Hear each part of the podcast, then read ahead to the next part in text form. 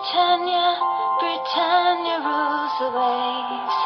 Britons never, never, never shall be slaves. Ooh,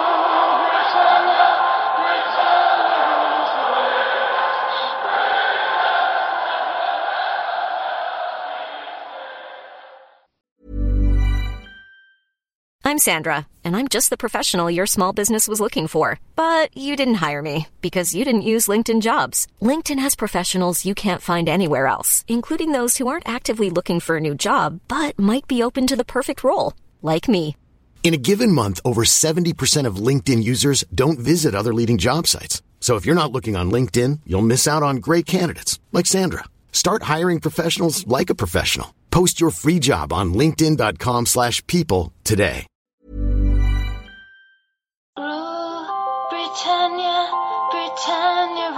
Rules the waves.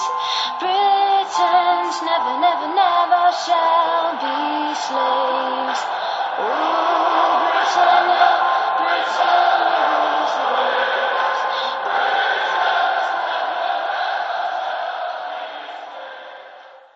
Hej och hjärtligt välkomna till avsnitt 79 utav Svenska FPL-podden och eh, återstarten kanske vi, vi ska säga. Precis som vårt avsnitt 78 så ska vi prata inför Game Week 30 eh, och eh, det känns lite konstigt men eh, det är skönt att vara tillbaka. Agendan för dagens avsnitt som vi spelar in tisdagen den 9 juni är att vi först ska sammanfatta lite vad vi vet om den här återstarten som är i nästa vecka. Vi ska även spekulera lite kring återstarten, alltså vad vi inte vet men där vi eh, ska se lite vad, vad vi tror och hur det här kommer påverkas. Det är ju väldigt speciella omständigheter. Vi ska även fokusera lite på just kommande Double Game Week 30, men även blicka framåt. Sen ska vi kort gå igenom hur ställningen i poddligan är för att fräscha upp våra minne och avsluta med en del lyssnafrågor. Jag kan bara snabbt konstatera att eh, sist vi spelade in, det var bra precis tre månader sedan, Stefan. Hur eh, är läget med dig? Jo, men det är bara bra. Eh, hållit eh, oss, eller hållit mig frisk här under eh, coronatiden så att eh, det känns bra. Det, nu så är det ju faktiskt, eh, börjar man bli taggad för att kunna se lite fotboll igen, eh, vilket har varit en bristvara här eh, senaste månaderna. Så att eh, det ska bli kul att eh, starta igång igen, även om den här fantasy-säsongen känns eh, väldigt eh, skum nu. Ja, men jag vet både du och jag har gjort av med vårt wildcard. Vi kommer komma till lite chipstrategier och sånt sen. Men eh, ja, man får göra det bästa av situationen. Innan vi hoppar in och kollar på återstarten ska vi nämna att eh, vi eh, fortsatt har samarbete med Unisportstore.se, Dynamo Sports och Glenn Sportsbar. Och det är de som eh, så snällt har priserna i poddligan och hjälper oss med de bitarna. Så stort tack till er. Men eh, går vi in på återstarten nu och vad vi faktiskt vet. Eh, I fantasy så gäller det helt fria byten nu för eh, fantasylagen fram till deadline för Game Week 30 som är nu eh, Eh, nästa onsdag, alltså den 17 juni klockan 18. Och eh, det kommer inte ske några prisförändringar fram tills dess. Så man kan sitta lugn i båten.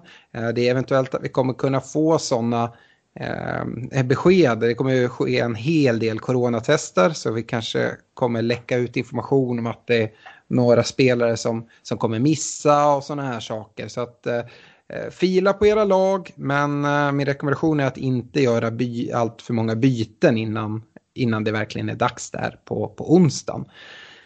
Vi eh, vet även att det kommer vara en double game week nu direkt i game week 30. Och förmodligen så blir det ingen mer double game week resten av säsongen. Jag har svårt att se det. Har du några andra tankar, Stefan? Nej, jag tycker alltså spelschemat är så tajt som det är redan så jag har svårt att se hur de ska kunna få in eh, ligacup eller FA-cupspel eller Europaspel. För att eh, det finns helt enkelt inte något datum att spela matcherna på. Eh, Ja. Så att, eh, det är min eh, take. Det enda jag egentligen kan se det skulle vara om det blir någon rejäl setback på coronagrejen och matcher tvingas flyttas av den anledningen. Men ah, det är jättesvårt att gissa, men det vi vet är att det blir en double game week i Game Week 30 och eh, det är fyra lag som, som påverkas av det. Det är Manchester City, Arsenal, Sheffield United och Aston Villa. Vi ska gå in på de lagen lite senare specifikt. Eh, vi vet också att det kommer vara extremt tajt spelschema och matcher i stort sett varje dag. Och eh, med anledning av det så har Premier League gått med på att lagen kommer ha fem byten per lag i matchen. Jag tror även att det är som i de andra ligorna att de här fem bytena ändå bara får ske vid, vid tre tillfällen. Alltså att man, för att inte det ska dra ut för mycket på tiden så du är tvungen att ta ut mer än en spelare när det väl är dags att, att göra bytena. Jag tror att det är så, jag är inte helt säker. Vet du mer om det Stefan? Nej, jag har bara sett det här med fem byten. Eh, jag har inte läst mer på, på mer än så. Mm, och om vi då kommer till nästa punkt, för det där är ungefär det vi vet uh, nu. Det är väldigt svårt att, att eh, veta så mycket mer, men jag har en del påståenden slash frågor uh, kring återstarten som jag tänkte lyfta och sen så tänker jag vi, vi diskuterar utifrån det. Och vi kan väl börja med det här med fem byten. Då varje lag kommer få göra de här fem bytena samt dessutom ha ni, hela nio spelare på bänken i varje match och då förmodligen även kommer nyttja alla byten på grund av det tajta spelschemat så kommer det kanske inte vara lika viktigt med en bred bänk i fantasy då dina spelare förmodligen kommer att få speltid i alla fall. Antingen som startspelare eller inhopp. Hur, vad, vad, tycker du att jag har korrekt i det påståendet eller ser du på det på något annat sätt? Ja, jag vet inte. Det blir lite speciellt också vilka chip man har kvar och hur man eh, tänker sig och liksom vilken strategi man kommer köra här. Eh, om man vill eh, direkt plocka in massa double game week-spelare då kanske man vill ha en stark bänk för att kunna växla över sen med fria byten om man inte har sitt eh, eh wildcard kvar till exempel. Eh, så att Eh, Eh, ja och nej. Jag tror även som du var inne på att det kan ju hända att någon spelare testas positivt för, för corona och då kanske man eh, helt plötsligt står med en startspelare som man hade tänkt sig som inte kommer spela. Så jag kommer nog i alla fall ha eh, spelande spelare på bänken. Tror att jag kommer prioritera det. Ja, spelande spelare kan, kan jag vara beredd att, att hålla med om, men uh, man kanske inte ska lägga allt för mycket kraft på, på sin bänk, för jag tror att det, är ganska, det kommer vara svårt att sia om startelvor uh, med det här tajta schemat. Och uh, det kan mycket väl vara så att dina spelare börjar på bänken, men det troliga är nästan att han kommer in ändå. och då får det i alla fall inte in någon från bänken om man inte skulle vara helt borta på grund av sjukdom eller, eller annat. Det är i alla fall min tanke kring det. Eh, men jag håller helt med dig gällande att eh, det är bra spelande spelare eftersom att det kan komma eh, ändringar väldigt nära avspark om ja, positiva coronatester och sådana saker som gör att en spelare helt plötsligt är borta. Ska vi vara helt ärliga så har vi ju väldigt svårt att sia om startelvor också. Eh, mm. Vi vet ju eh, såklart vilka stjärnspelare som finns i, trupperna och så, men man kan ju inte bara ha stjärnspelare, då går ju inte budgeten ihop. Eh, mm. Så att det finns säkert många som har slarvat lite med träningen och kanske var ordinarie innan, men kommer att tappa sin plats nu. Och i och med att det har varit väldigt begränsat med träningsmatcher här inför så, så kommer det vara svårt att och sia om, eh, om det. Jättesvårt. En annan sak som kommer vara väldigt svårt att sia om det är ehm, just det här att alla lag har inte så jättemycket att spela för. Eh, och här kommer ju den in, vi brukar alltid prata om det i en ordinarie eh, fantasy-säsong mot slutet av säsongen, hur viktigt det är. Hur viktigt skulle du säga att det är nu att pinpointa lag som har något att spela för? Är extremt viktigt. Eh, vi har ju redan varit inne på det när, innan coronasituationen kommer. Hur ska man göra med Liverpool och City eh, den dagen ligan är avgjord? Eh, nu kanske det inte kommer finnas något Europaspel att fokusera på, men till exempel så tror jag att City kommer börja förbereda och ta det här som en försäsong för nästa säsong om, om de tappar ligan till Liverpool här efter några omgångar, vilket är mycket troligt att de gör. Så att, Ja, jag kommer nog inte gå allt för tungt i topplagen, vilket eh, också blir lite konstigt eh, här. Men eh, jag ser nog mer värde i, i till exempel United och Wolves som slåss om Champions League-platser. Mm. Det pratas ju mycket om Champions League och Europa League och så att det ska dra igång i augusti efter att ligorna avslutas, alltså återupptas och, och spelas klart. Och därför är det viktigt såklart att få Eh, för de lag som är kvar i, i de här turneringarna att få igång spelare och sådana saker. Men det är ändå rätt gott om tid eh, för det.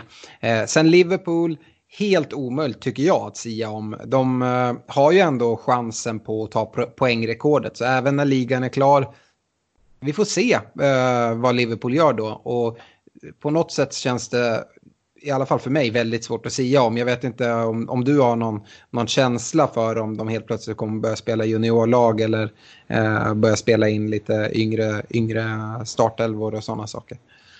Jag tror det mycket kommer handla om, eh, som du var inne på där, eh, om vi får något besked om Europaspel. För att eh, blir det Europaspel då vill man ju ändå ha igång sina bästa spelare i, i absolut matchform när det ska spelas eh, om, om eh, Champions League och Europa League-slutspel. Eh, så att då kommer ju det göra att jag tror att man ställer upp med lite mer starkare trupper i alla fall stjärnspelare i, i topplagen som också är med uppe och slåss i skytteliga-ledningar brukar inte vara alltför intresserade av att sitta bänk så här i slutet heller. Så det kan ju också vara någonting att, att ta med sig. Jag skulle gissa att det även kommer gälla en konstig säsong som den här. Det kan jag väl tänka. De har ju rätt stora egon, eh, de där fotbollsspelarna. Mm.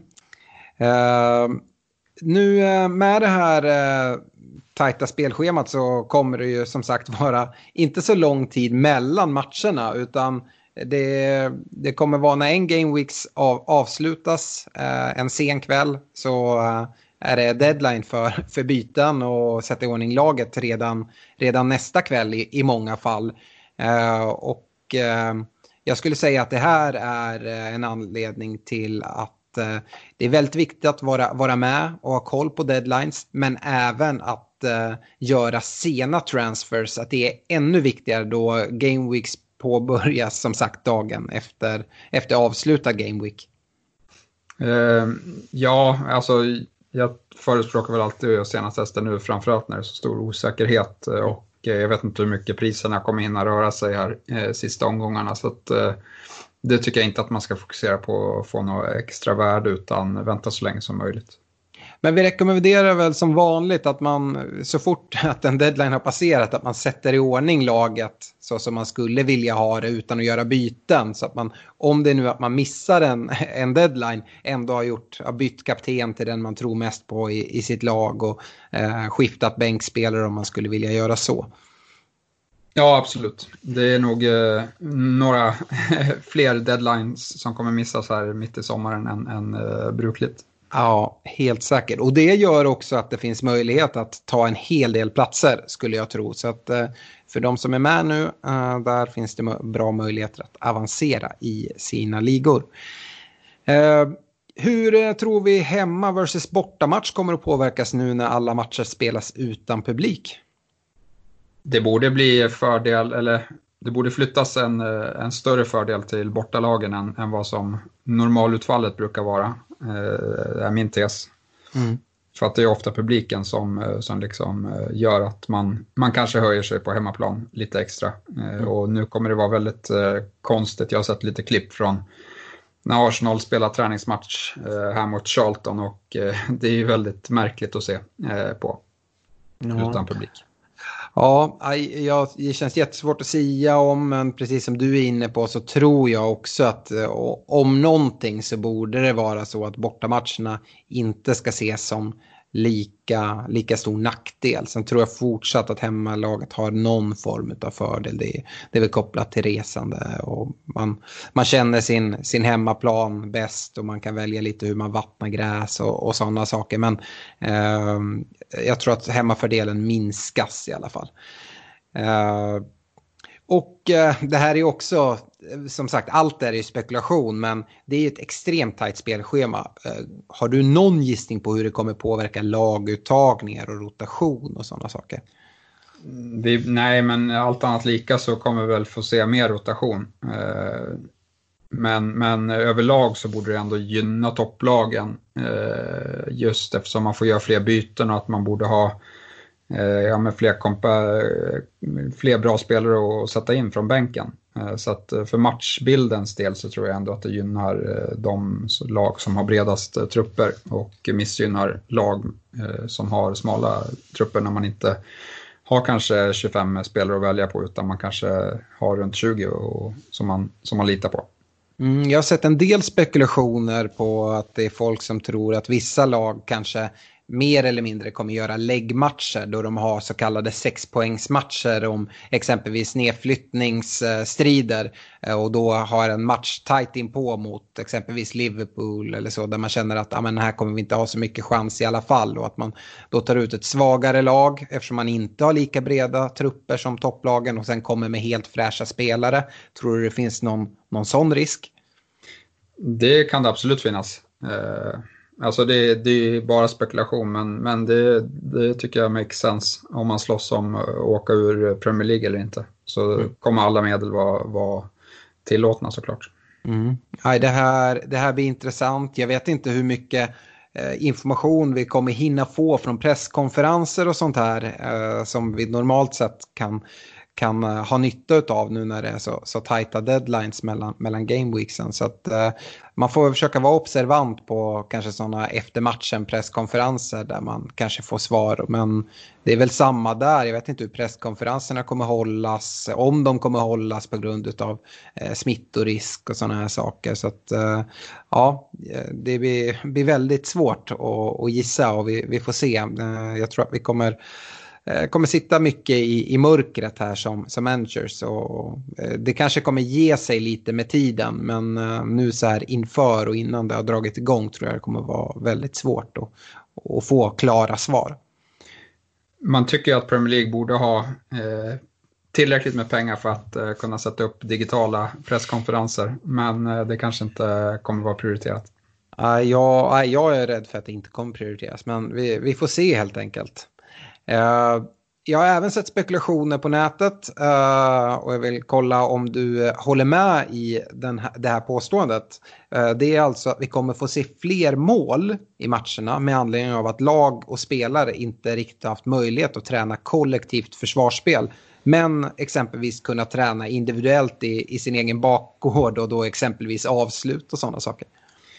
Jag vet inte, det det brukar ju bli mer mål i början av en säsong och det här får väl nästan räknas som en, liksom en början av en ny säsong. Eh, å andra sidan så, så eh, liksom när, när det står som mest på spel så brukar det kunna bli låsta matchbilder eh, så att det finns väl saker som talar både för och emot. Man kan ju hävda att, eh, liksom att det tar längre tid och och sätta ett fungerande anfallsspel eh, med alla samarbeten som ska till och, och så än att eh, bara spela ett eh, Sheffield eh, försvarsspel där alla jobbar arslet av sig och har gjort det på samma sätt eh, i, i två års tid så att eh, de, de borde hitta tillbaka det, till det ganska fort kan, kan jag tycka. Så att eh, jag är inte helt såld på den idén faktiskt.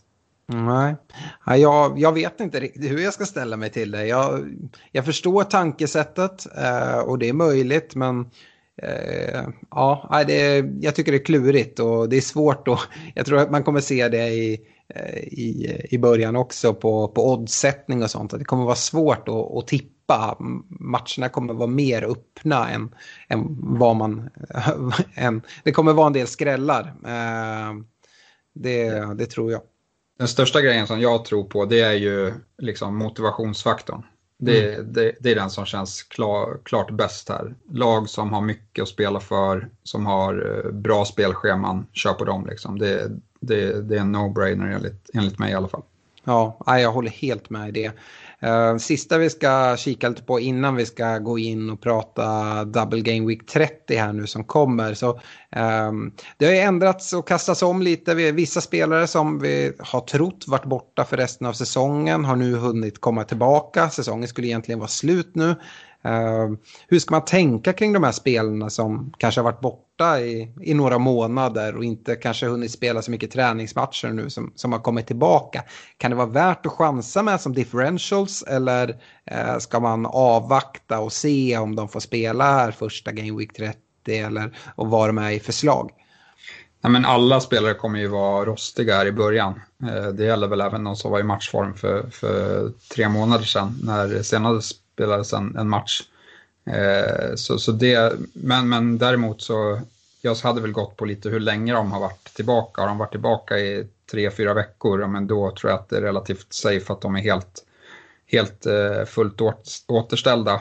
Eh, och eh, jag hade inte dissat en sån spelare om, om eh, liksom det finns den här som, vi, som jag pratade om alldeles nyss med, med motivation och, eh, och spelschema. Jag tänker till exempel på en spelare som, som Rashford eh, är jag jävligt sugen på att eh, köra på till exempel. Ja, både Rashford och även Pogba om man ska prata United är ju spelare som kanske har ganska låg ägarandel eh, som, som skulle kunna få, få viktiga roller. Det blir jätteintressant att se eh, hur Solskjaer ska få ihop eh, eh, Fernandes och Pogba på det där mittfältet. Om man får det att fungera så känns det som att det finns enorm potential eh, i Uniteds anfallsspel som har jättemycket att spela för och dessutom ett riktigt bra spelschema nu in i, i avslutningen av säsongen. Du tror att Pogba blir kvar med andra ord eller? Det låter som så just nu. Jag tror till en nu är det här, ja, det här är ju spekulationernas avsnitt, det kan vi lugnt konstatera. Men eh, det har ju pratats mycket om att eh, Eh, mycket transferpriser eh, kommer, kommer gå ner. Jag tror inte United har någon tanke på att eh, sänka prislappen på Pogba. Utan ska man köpa Pogba så tror jag man kommer få langa upp en hel del pengar. Och jag tror inte det finns så många klubbar som har möjlighet att kasta upp de pengarna. Och dessutom är det väl säkert flera klubbar som har ett, ett litet frågetecken framför Pogba. Man vet vad han kan men samtidigt så har han kanske inte levererat på den nivån som, som ska matcha den prislapp som United ändå kommer sätta på honom. Så att eh, min gissning är att han, han blir kvar. Eh, sen så kan det där svänga snabbt men det, det, om jag skulle ha tvungen att, att betta på det just nu så skulle jag nog slänga in en slant på att han spelar i United eh, nästa säsong. Ja, för mig går i alla fall eh, eh, Rashford, eh, Fernandes och Maguire före Pogba just nu. Jag har för mycket frågetecken kring, kring honom för att tänka på honom sånt kan ändras snabbt när Pogba gör 2 plus 1 i, i första, första gameweeken. Absolut. Uh, men uh, vi ska gå in i Double Game Week 30 och uh, när jag ställde lyssnarfrågor fick vi direkt massa frågor om chipstrategier och jag tänkte börja med det och fråga lite vilket chip är det som lämpar sig bäst här inför Double Game Week 30 och det beror såklart på vad man har, vad man har för chips kvar. Stefan, min, min tanke är att om man har kvar sitt wildcard som varken du eller jag har eh, så är det väl ganska rimligt att bara använda de här fria bytena nu till att bygga upp ett sjujävla double game weeks lag. Eh, egentligen ett free hit lag skulle man nästan kunna säga. Eh, och sen så ta ett, ett wildcard direkt efter det. Alltså, och sen till, till Game Week 30 då använda sig av exempelvis bench boost. Ja, nej det, det håller jag helt med om. Har man wildcard kvar då kan man vara mycket mer offensiv än vad de som har bränt sitt wildcard kan vara. Eh, för de som har inte har sitt wildcard kvar, där gäller det ju dels eh, att balansera sitt lag för hela resten av säsongen, eh, men även att liksom ta ut eh, ett, ett, balanserat lag så att man kan liksom navigera om det, det kan ju visa sig att man väljer helt fel spelare här i början eh, och och då att man är mer flexibel för att rätta till det kommande, ja, snabbt kommande Game Weeks. Då. Mm. Jag tycker i alla fall att eh, Game Week 30 det är den enda Double Game Week som vi känner till och förmodligen den enda som kommer vara av kvarvarande säsong. Så för mig är det självklart att oavsett eh, hur många chips ni har bränt, har ni typ triple captain bara kvar, ja men använd det nu på en Double Game Week-spelare. Har ni eh, har ni bench boost kvar, använd det nu.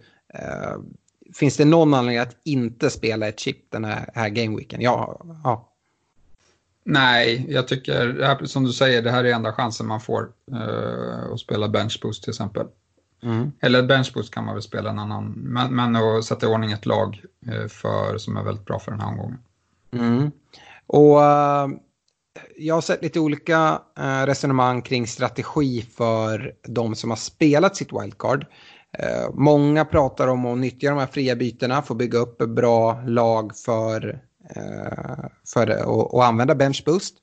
Eh, men kanske inte fylla helt med double game week spelare utan man vill fortfarande ha ett vettigt lag framåt eh, då man inte kan kasta om hela laget som man då har möjlighet att göra om man har wild, wildcard kvar. En annan taktik som, som många kollar på det är att man kanske är ganska nöjd med sitt lag Eh, som man har, eh, har just nu. Eh, och då använder sig av free hit i Game Week 30 och egentligen fokuserar på ett riktigt bra eh, ben, bench, eller riktigt bra eh, double game week-lag i den här veckan och sen gå med sitt, eh, sitt lag som man hade innan. Eh, här ska vi säga det att eh, vi har inte fått några klara besked, men när jag har, har uh, gjort lite research på det här och uh, bland annat eh, uh, FPL-gurun Ben Krellin hävdar att det finns ingen möjlighet att använda, använda de här fria bytena som man har nu fram till Game Week 30, sätta i ordning sitt lag, spela free hit. Gör man det så kommer man få tillbaka det lag som man hade innan den här Game Weeken, alltså inte de här alla byten ni har gjort. Eh, så att det kommer vara det lag ni har eh, som ni har gått in med nu. Ja, då får man ju helt enkelt analysera det laget man har om man tror på det eh, ja. för resten av säsongen. Då tycker jag att det är en, en strategi man också kan använda sig av. Mm. men, men det ska väl ganska mycket till om man är helt nöjd med det laget som man hade för, för flera månader sedan. Men det, det är möjligt att man har det, att man, att man hade den framförhållningen ändå. Mm. Uh, nu kommer en liten ledande fråga här Stefan, men tycker du att det finns några risker med att helt fylla sitt lag fullt med double game week-spelare om man inte har wildcardet kvar? Ja, absolut, för att det där ska du ju, det kommer ju slå tillbaka i, i kommande omgång såklart. Uh, och då ska du formera ett lag där du har till exempel 12 spelare från Sheffield, Aston Villa, Arsenal och City. Uh, och Arsenals spelschema är ganska svårt. City vet vi inte vad de kommer ställa upp med riktigt. Eh, och jag vet inte hur mycket man vill investera i Sheffield och Aston Villa på lång sikt. Så att eh, det där är verkligen ett dilemma. Eh, och jag hade inte tagit ut 12 spelare om man inte hade wildcardet kvar. Nej, och just Aston Villa har väl ett av de sämsta spelschemana utav samtliga lag kvar här från Game Week 31, 31 in till 38. Eh, jag tror Sheffields spelschema också är rätt, rätt tufft eh, in. Så att eh, de två lagen har, har, har det rätt tufft. City vet vi, ja, de har ett, har ett rätt okej okay schema. De har tuffa matcher i och för sig, 31-32. Men där är det svårare att veta vilka som kommer spela. så ja, det, det finns ju såklart sina fallgropar med det vi kan väl egentligen uh, uh, kolla på det nu. Om man nu ska satsa på Double Game Week-spelare, då har vi ju City, Arsenal, Sheffield och Villa. Och uh, vilka spelare från de här respektive lagen tycker du är mest intressant att, att kika mot? Eh, Graylish tycker jag är ganska given i Aston Villa. Mm. Eh, men i övrigt så är jag inte så här supertaggad på någon mer därifrån. Kanske någon Billy Buck. Eh, men, men jag känner inga liksom så behov av att ha tre från Aston Villa. Eh, Sheffield tycker jag väl är, de, de är prisvärda liksom. Där kan man gå på lite hur som helst, men, men budget. Eh, två i försvaret, en på mittfältet, tre försvarare. Eh, det kommer inte skada du, dig så mycket, du kan sätta dem på bänken eh, sen resten av säsongen om det skulle visa sig att Sheffield eh, inte eh, spelar bra. Det skulle även kunna vara så att Sheffield eh, är superbra resten av säsongen. De har ju väldigt mycket att spela för. De är ju uppe i, i och slåss om Champions League-platser faktiskt. Så att, eh, eh, där tycker jag att man kan chansa lite. Eh, Arsenal som, som jag var inne på, eh, tuff match mot City och eh, jag vet inte om jag är så sugen på någon förutom Aubameyang. Eh, eventuellt eh, Leno i kassen. Eh, Saka finns ju billig också. Eh, skulle kanske kunna, men, men liksom jag vill fortfarande, jag har ingen wildcard kvar kan man säga. Så jag kommer ju vilja ha eh, massa United-spelare framförallt. Eh, United och Wolves är de två lagen som, som jag tror mycket på efter den här double game weeken och de, de vill jag ha kvar. Eh, och sen vill man säkert ha kvar någon Liverpool-spelare här innan, innan man vet om de kommer vila sina spelare, Salah till exempel och, och sånt. Eh, så det är väl lite så jag tänker och så kommer vi till City då, där får man väl gå på ja, det kommer roteras extremt mycket eh, misstänker jag. Eh, men, men gå på de pjäserna man vet eh, eh, brukar få mest speltid i De Bruyne. Eh, det är väl han som står ut. Eh, Agüero kanske, eh, jag vet inte. Men, men det, det, kan bli svårt att få ihop eh, med, med de övriga man vill ha. Eh. Mm. Hur tänker du kring, kring målvaktsfrågan? Om man nu ska spela benchbust vill man väl ha två dubbelmålvakter. Eh, vi har ju fina målvakter här, både Ederson, Len och, och, Henderson. Jag vet inte om man vill binda upp Ederson som sin City-spelare, men det finns ju en möjlighet eh, där. Eh, tankar?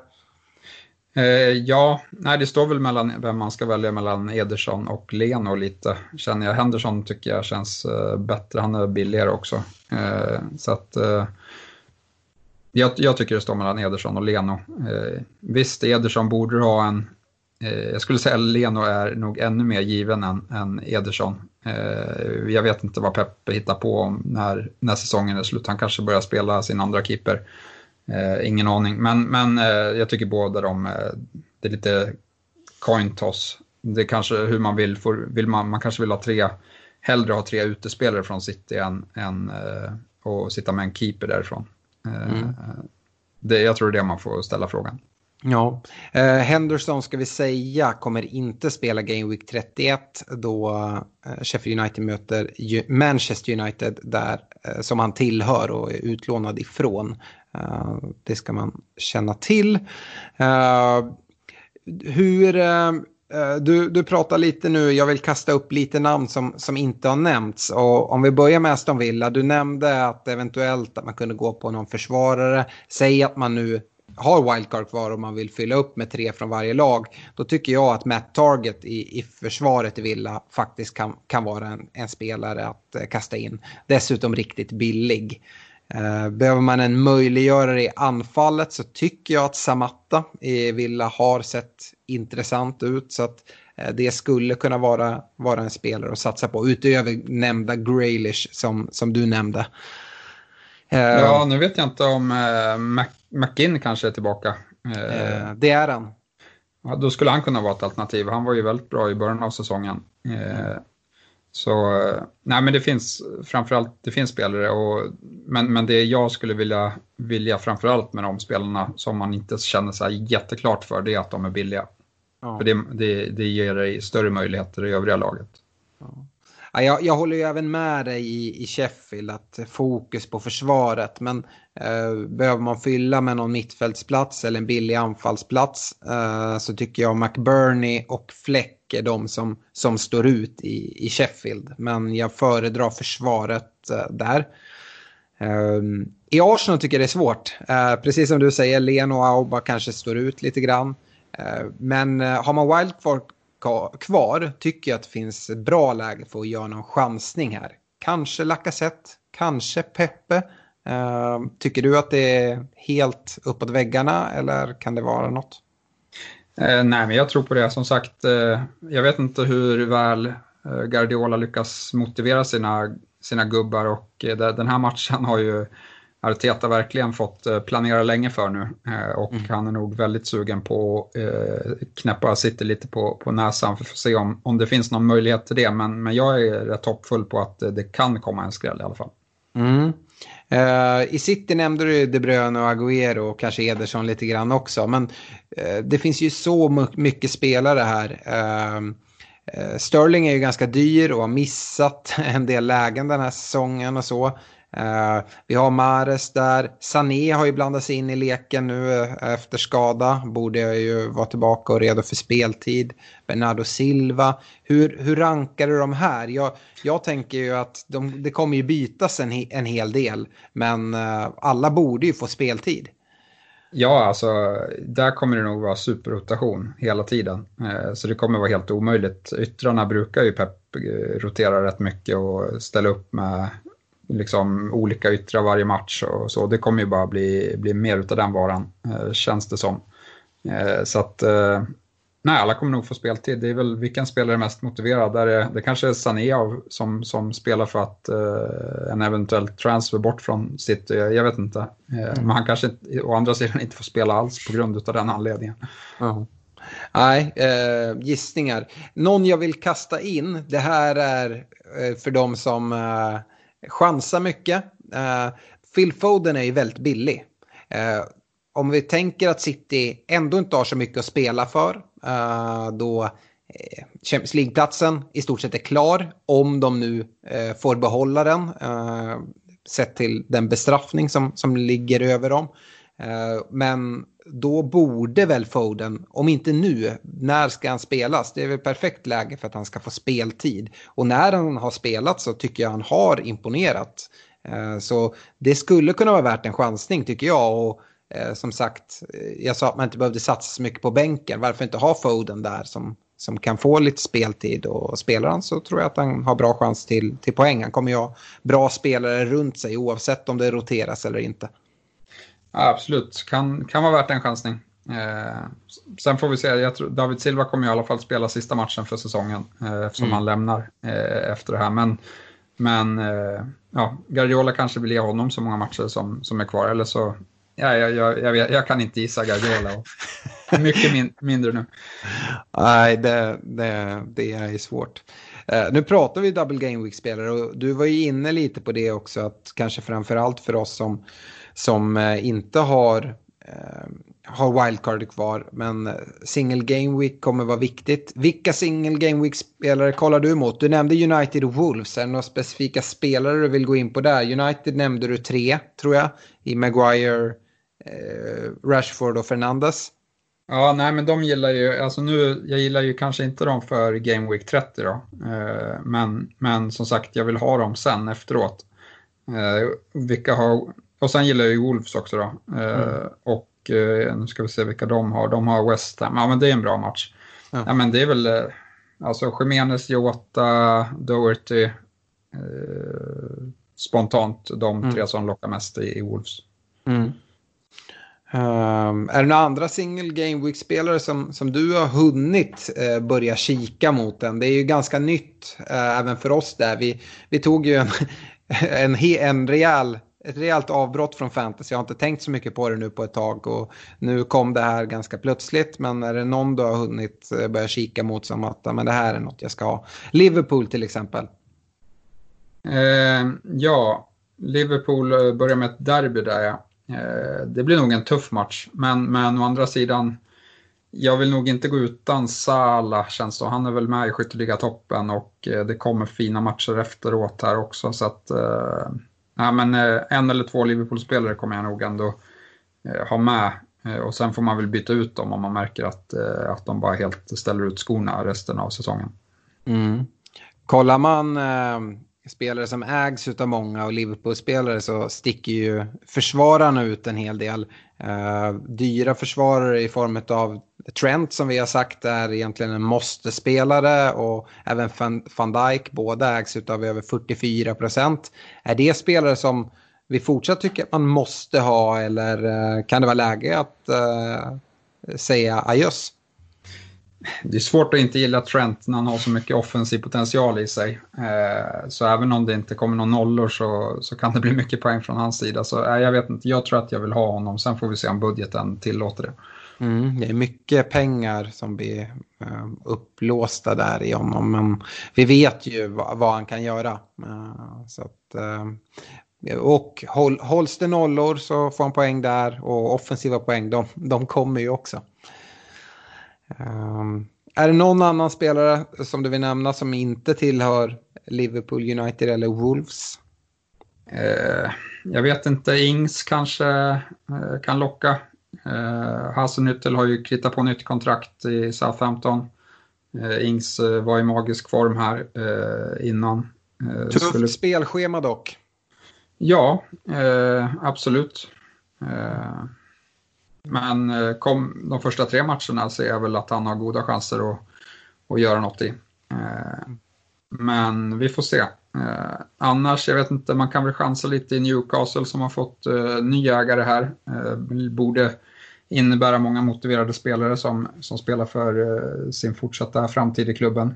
Eventuellt. De har rätt fint spelschema här i inledningen också.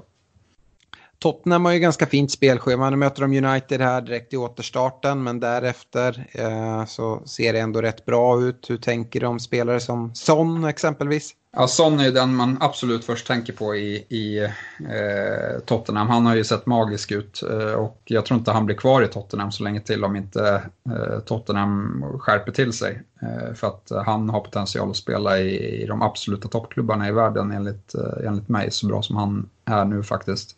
Mm. Eh, så att eh, han är jag sugen på. Jag är mindre sugen på Kane efter din eh, kommentar här om att han har blivit som Adriano var en gång tiden. ja, jag såg någon, någon bild från en, en Spurs-träning. Han är ju tillbaka från skada, precis som vi nämnde Rashford. Rashford, när jag sett honom på bilder, ser dock eh, riktigt fitt ut. Något jag inte riktigt kan säga om Kane. Och ska jag vara helt ärlig så har jag inte sett supermycket bilder. Så att det kan ju vara en taskig vinkel eller något sånt precis när bilden togs. Men eh, han har även en liten sån, sån aura över sig tycker jag. Att eh, han kan lägga på sig en liten, liten kul mage och sådär. Så att jag, eh, ah, jag, jag är inte jättesugen på, på Harry Kane eh, direkt så här nu. Eh, Everton är ju ett lag också som, som visade en del form här eh, innan uppehållet. Och eh, spelschemat helt okej. Okay. Eh, Richarlison, Calvert Lewin, är det spelare som kan vara någonting? Ja, Calvert Lewin är absolut en spelare som, som jag tror på. Han är rätt bra prisad också så att mm. det är någon man bör kika mot tycker jag. Jag, tycker, jag gillar väl egentligen också liksom som i Arsenal och som i Everton som har nya tränare för säsongen, eh, som har fått jobba mycket mer med truppen nu, eh, har ju liksom, borde kunna ha krämat ut några extra procent och komma tillbaka starkare. Eh, det är min take i alla fall. Mm. Hur eh, känner du för en spelare som eh, också ägs av ganska många, en anfallare vid namn Jamie Vardy? Vardy, Vardy. Eh, han är väl gammal nu eller? ja, jo, det, det får han väl klassas in som ändå. Ja. Nej, men jag är lite osäker på, på Leicesters motivation. De är väl rätt säkra på sin Champions League-plats. Eh, å andra sidan, ja. Mm. Eh, det är klart att de kommer att, nej, de kommer vilja komma ut och säkra den där platsen. Men nej, jag tror, jag tror var det är ett bra bett. Madison eh, tror jag också är ett bra eh, alternativ. Mm. Uh, ja, Leicester ligger ju på en tredje plats uh, för er som helt har glömt bort uh, det där. Chelsea på 48 poäng, fjärde platsen och sen så som jagar de här Champions League-platserna är ju United på 45, Wolves på 43 och Sheffield på 43. Sen kommer ju Tottenham och Arsenal på 41 och 40. Ska väl inte helt räknas bort men det, känns, det känns långt upp. Uh, även fast det inte skiljer liksom, jättemycket poäng upp till, uh, till uh, United Wolves. Så, där, så är det många lag som ska passeras också. Ja, vi får se. Arsenal måste ju eh, nästan skrällvinna mot eh, City känns det som. Om, de, om det ska finnas en realistisk chans. Mm. Ja, nej, vi, vi har väl gått igenom mycket nu här på vilka, vilka, vilka lag vi, vi tror på, vilka lag vi tycker man kanske ska undvika lite. Så att, eh, där har vi pratat lite Double Game Week 30. Har du något uh, tydligt kaptensval? Det är inte superenkelt alltså. Kevin De Bruyne är nog min kille. Eh, känns mest safe tycker jag. Mm. Uh, han går före Agüero ändå. Ja, men det får han nog göra. Eh, jag vet inte, Agüero kan mycket väl spela mot Arsenal, vilas och sen spela mot Chelsea till exempel. Ja. Eh, De Bruyne du, får eventuellt två matcher, eh, tänker jag. Du, du gissar ändå pe, Peps startelvor nu?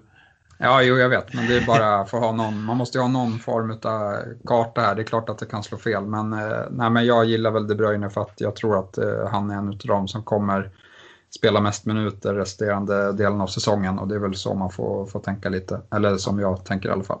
Ja, Nej, jag tycker också att City är väl det mest uppenbara valet. Jag tror kanske inte ens på Kevin De Bruyne att man ska förvänta sig några 180 minuter. Men å andra sidan kanske inte det behövs utan eh, får man 120 minuter så från Kevin De Bruyne så kan det bli väldigt mycket poäng.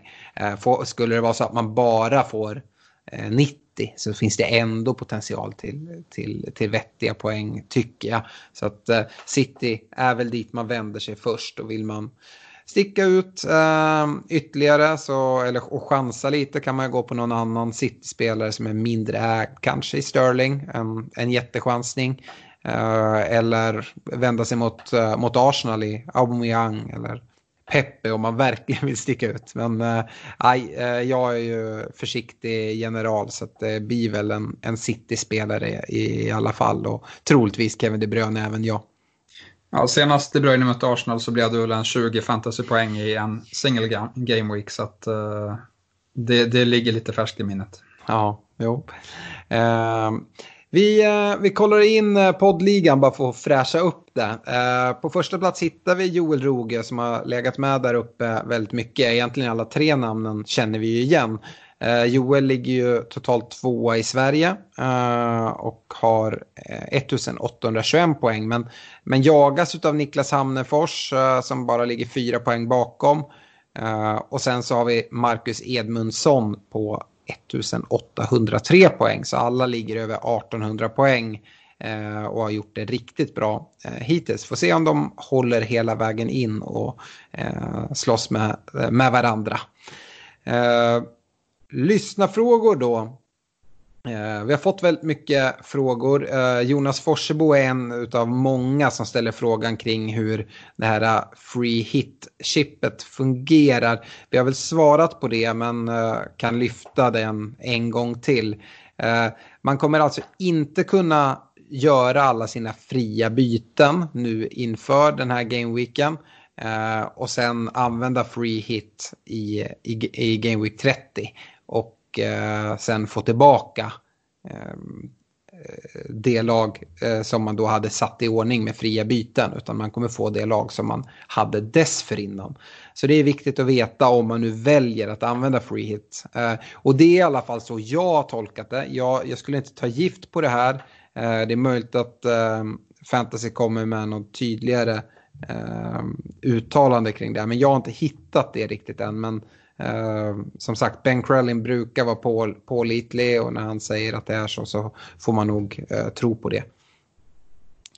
Uh, Fredrik Norrström skriver så här. För oss som har wildcard nummer två kvar känns det efter lite funderingar givet att inför Game Week 30 ta ut ett lag endast för denna omgången. Det vill säga fokus på de lag som har double Game Week och bra matcher dra bench boost och sen dra wildcard till Game Week 31. Eller hur resonerar ni?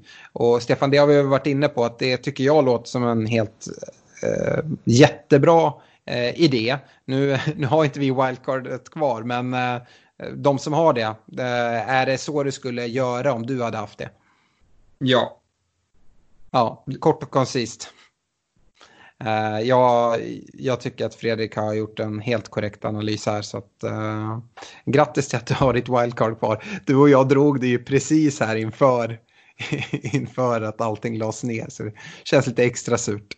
För en match som aldrig blev av och 50 pinnar mindre på, på kontot. precis. Uh, Eh, Eh, Robert Jonsson, uh, han undrar hur man bäst lägger upp det med free hit och bench boost. Och som sagt, det beror på vilka, vilka chips man har kvar. Men uh, chips ska dras här i Game Week 30 tycker vi. Och uh, free hit eller bench boost, det pratade vi om. Man inte har wildcardet kvar. Att det är egentligen utifrån vad du har för lag just nu som avgör hur man ska tänka. Då har vi nog klarat av de här chipsfrågorna nu. Men eh, André Wideheim Ekelund undrar eh, vilken spelare som man inte kan gå utan nu framåt. Nämn gärna en målvakt, en back, en mittfältare och en anfallare. Har du några top of mind? Ja, jag säger Henderson, Maguire, eh, Fernandes och Rashford. Då. Mm, tungt United-fokus. Uh, faktiskt alla fyra, även fast att Henderson då spelar i Sheffield den här exakt, säsongen. Exakt. Uh, jag skulle nog snarare säga Doherty före Maguire. Uh, jag, jag tycker Wolves ser, ser uh, intressanta ut, har lika mycket att spela för som, som United och tycker att Doherty är en bättre poängspelare än, än vad Maguire är. Eh, men annars så tycker jag nog att Fernandes och Rashford är spelare som jag också tycker är intressanta. Dock osäkert, extra osäkert med, med Rashford eh, som har varit skadad eh, och varit borta ännu längre än de här tre månaderna och inte spelat fotboll. Så, eh, mm, men det är värt den chansningen och det, det tycker jag. Eh, David Bente, är det några spelare man vet som ej kommer kunna medverka i början? Och det, det är det ju såklart. Eh, är det någon någon du känner som, som vi Eh, specifikt ska, ska nämna här? Jag har inte kikat så mycket på skadeläget. Eh, så jag är inte mm. jättepåläst där. Nej. Eh, jag tycker att det bästa är väl att eh, kika in på eh, fantasy-sidan. De brukar ha ganska bra koll. Jag tror att det kommer komma eh, bättre uppdateringar på det ju närmare deadline vi kommer. men om jag inte missminner mig helt så är väl eh, exempelvis Ricardo Pereira Eh, i Leicester som eh, gjorde en, har gjort en riktigt bra eh, säsong. Han, han, har väl en rätt allvarlig knäskada som jag tror håller honom borta. Eh, så det är väl en spelare som, som ska nämnas där. Eh, annars, eh, jag, jag skulle hänvisa till till fantasy, um, fantasy-sidan. De, de har bra koll Eh, generellt sett och de som står som röda där kommer förmodligen inte, eh, inte spela. Men bättre koll än så har, har inte jag heller. Eh, den sista frågan vi har fått på, på Facebook kommer från Jonathan Windahl och han funderar på att satsa all in på United, Chelsea och Wolves på grund av deras spelschema de sista matcherna. Och och eh, han har bara Arnold och Kevin De Bruyne från topplagen. Eh, finns det ett case för att inte ha så många från Liverpool och City nu här i slutet? Och då kanske vi ska bortse från eh, den här Game Week 30 utan därefter och in. Jag fokar ju hellre på United och Wolves och Chelsea är väl också ett helt okej okay bett. Jag är inte lika såld på, på Chelsea men, men absolut kan, det, kan de Eh, var fina här i slutet av säsongen. Men eh, nej, jag tycker att det finns ett case att inte gå så tungt i topplagen för vi vet inte som sagt vad som händer när ligan är avgjord. Mm. Nej, jag, jag, jag tycker Jonathan gör en, en, bra analys. Samtidigt så ska man väl påtala det att det såklart är en, är en jätterisk att, att, uh, inte, att helt lämna uh, de här lagen för vi vet vad de har för, för kapacitet i sig. Och skulle det vara så att att Pep inte väljer att rotera allt för mycket. Men även om man roterar så vet vi att det är riktiga klassspelare som kommer in och som kanske vill, vill visa upp sig. Uh, så att uh, ja, det kommer nog, City kommer nog göra en del mål. Uh, sen så vilka som spelar, ja, det vet man inte. Och vilken match, vilken spelare kommer få mycket speltid. Men om man lyckas eh, läsa Pep som väldigt få kan göra så kan man nog hitta mycket poäng där. Eh, detsamma gäller ju Liverpool. Vi vet inte, kommer de gå för poängrekordet? Deras eh, kapacitet är det väl ingen som ifrågasätter. Det är ju ett eh, ruskigt bra lag. Eh, så det kan komma poäng från, från Liverpool-spelarna också. Men jag är likt Jonathan och även dig Stefan hellre då om jag måste välja så fokuserar jag på de här lagen som har, har lite mer att spela för. Yes, men om din teori att folk kommer lägga sig mot Arsenal och, eller mot City och uh, Liverpool stämmer, då kan det ju vara så att det blir riktiga målfester också. Så att, uh, jag tror inte man vill sitta helt utan heller. Vilken härlig Freudian slip det blev där. Att de, uh, jag tänker att alla vill lägga sig mot Arsenal. Det hade du önskat va, Stefan? Ja, exakt. Uh, ja, nej, uh, nej, så är det. Uh, hur är det, har vi fått några frågor från Twitter? Jag vet att du sa tidigare att det var, var väldigt mycket chipsfrågor. Det tycker jag att vi har avverkat rätt, rätt bra. Ja, nej men folk har ju pratat, Pontus Lindström och Football Manager här och Anders Rubin ställer ju frågor om, om chipstrategin. Men, men där kan vi säga, liksom, har man alla chip kvar då är det ju bäst att maximera med fria byten nu inför game week, den här gameweeken och sen dra wildcard tycker vi. Och har man inte det då får man helt enkelt sätta i ordning ett balanserat lag istället. Det är väl de två alternativen vi ser som bäst. Mm. Eh, så, så det sammanfattar deras frågor. Men sen har Jonas Wallman eh, skrivit in en fråga eh, som han undrar vilka 10 miljoner spelare, de som är 10 miljoner eller mer, som man kan mm. avskriva och vilka man inte kan vara utan. Mm. Uh, det är en bra fråga. Uh, jag måste bara snabbt uh, sortera spelarna i prisordning. Uh, ja, 10 miljoner, då har vi i alla fall inga försvarare. Eh, vi har endast fyra mittfältare och det är De Bruyne, Sterling, Mané och Salah. Eh, jag tycker inte man kan skriva av någon. Eh, jag tycker väl kanske av de spelarna att eh, ja, De Bruyne är nog den som jag lockas mest av trots att han är billigast. Eh, men även en av Salah eller Mané ska man nog, ska man nog ha. Och jag föredrar Salah. Sterling är en chansning, absolut, men eh, kan även eh, vara en sån spelare som kan göra att man sticker ut lite i sina kompisligor och, och tar sig offensivt. Eh, jag vet inte om man vill att man ska nämna de spelarna som ligger strax under 10 miljoner också, men det gör jag inte just nu. Eh, kollar vi på forwardsidan så är det tre spelare. Det är Agüero, Aubameyang och Kane. Eh, jag tycker inte att någon av dem går att helt skriva av men det är väl Kane som, som jag har tveksamheter till. Jag skulle ju hellre då satsa på Son om jag ska gå på Tottenham-spåret. Och Kane får i så fall komma tillbaka och bevisa för mig i någon match att eh, det är gamla Kane som trycker in bollar eh, lite hela tiden. Och då, då får man hoppa på det tåget. Man kanske får missa hans första mål i så fall. Men eh, jag skulle vilja se Tottenham generellt. Jag tycker att de har hackat en del i, i sitt spel. Så att eh, se hur, hur de står upp mot eh, Manchester United där på, på midsommarafton över deras första match. Så kan man specialstudera Kane tycker jag. Aubameyang och Agüero är ju två jättefina spelare nu här inför Double Game Week såklart. Så att, eh, ja, vi får se. De kommer ju göra mål båda två. Det är jag rätt säker på här. Eh, avslutningen av säsongen, det, det är ju det de gör helt enkelt. Så det är ju de eh, som är över 10 miljoner. Och som sagt, jag tycker det är svårt att avskriva någon av dem egentligen. Ja, har du någon annan tanke? Eh, nej, eh, för mig utom man ska plocka bort det är svårt att ha fyra tänker jag, eh, ja. så dyra. Så att, eh, då hade jag nog plockat bort Agüero ändå, utav de fyra som du tyckte var bästa.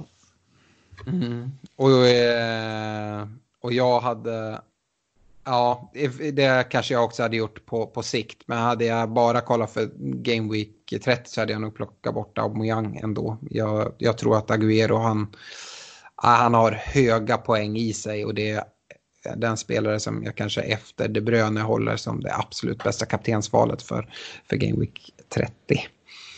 Yes. Han, Jonas undrar också vilken klubb och vilken spelare ni tror kommer skrälla mest där i slutet av säsongen. Ja, skrälla. Eh, det är svårt. Vad, det beror på lite vad man har för förväntningar på spelare. Eh, och det bör i så fall vara en spelare med en, en låg ägarandel. Eh, och ja, svårt. Eh, en spelare som jag, jag gillar eh, här för den här double game weekend det är ju McBurney i, i Sheffield United, anfallaren. Han är billig eh, men jag tror han skulle kunna Uh, han skulle kunna, kunna slå dit någon boll. Uh, sen så är det vad man har för förväntningar. Jag tror inte att det är några Agüero-poäng vi kan förvänta oss. Men han kommer göra det bättre än vad, vad många tror. Både här i Double Game Week men kanske även uh, här framåt. Ehm, jag tror...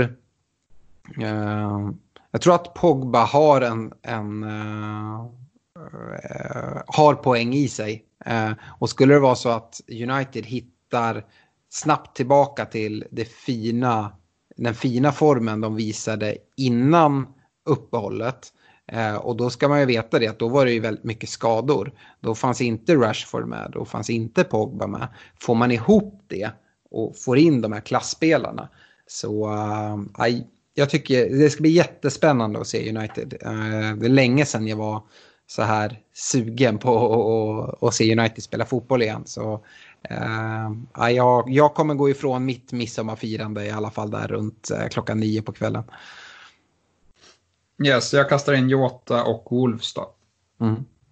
Som mina skräll, skrällar. Mm.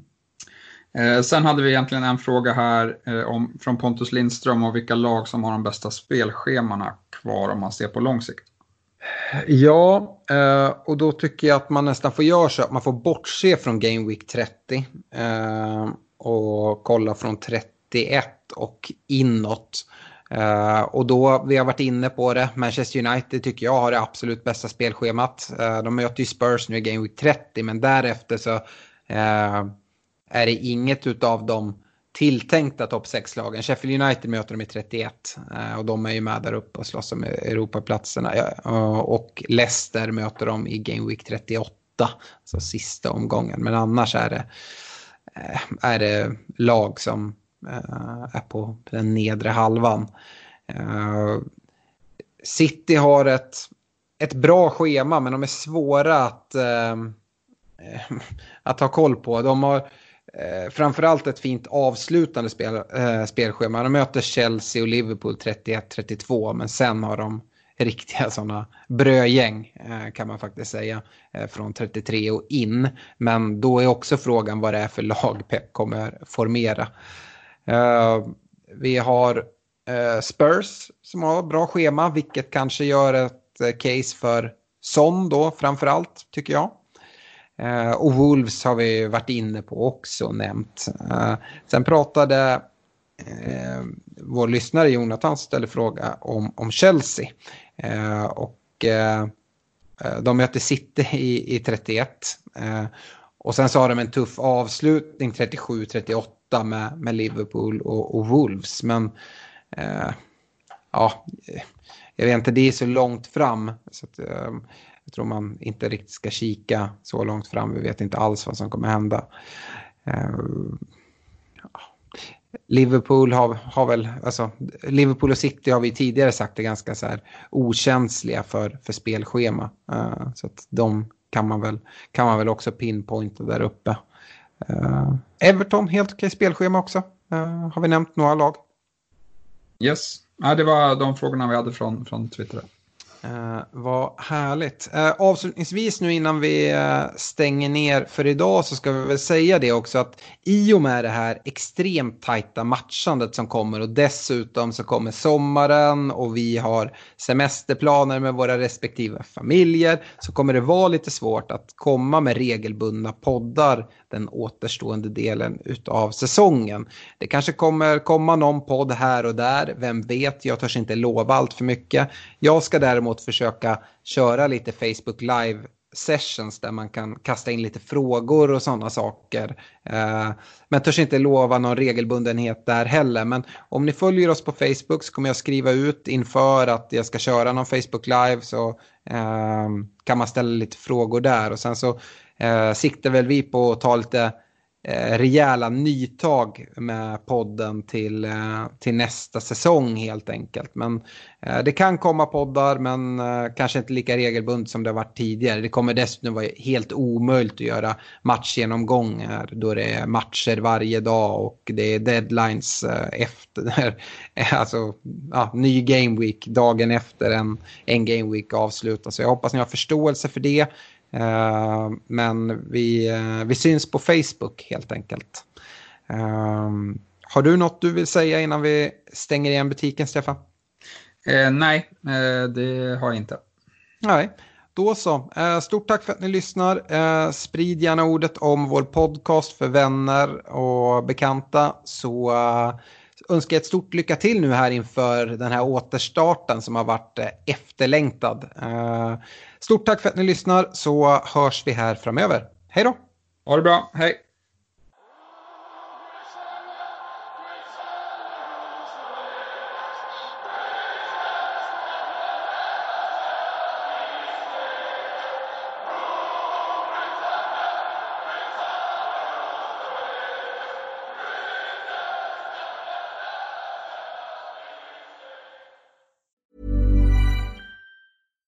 Mom deserves the best, and there's no better place to shop for Mother's Day than Whole Foods Market. They're your destination for unbeatable savings, from premium gifts to show-stopping flowers and irresistible desserts. Start by saving 33% with Prime on all body care and candles. Then get a 15-stem bunch of tulips for just $9.99 each with Prime. Round out Mom's menu with festive rosé, irresistible berry chantilly cake, and more special treats. Come celebrate Mother's Day at Whole Foods Market.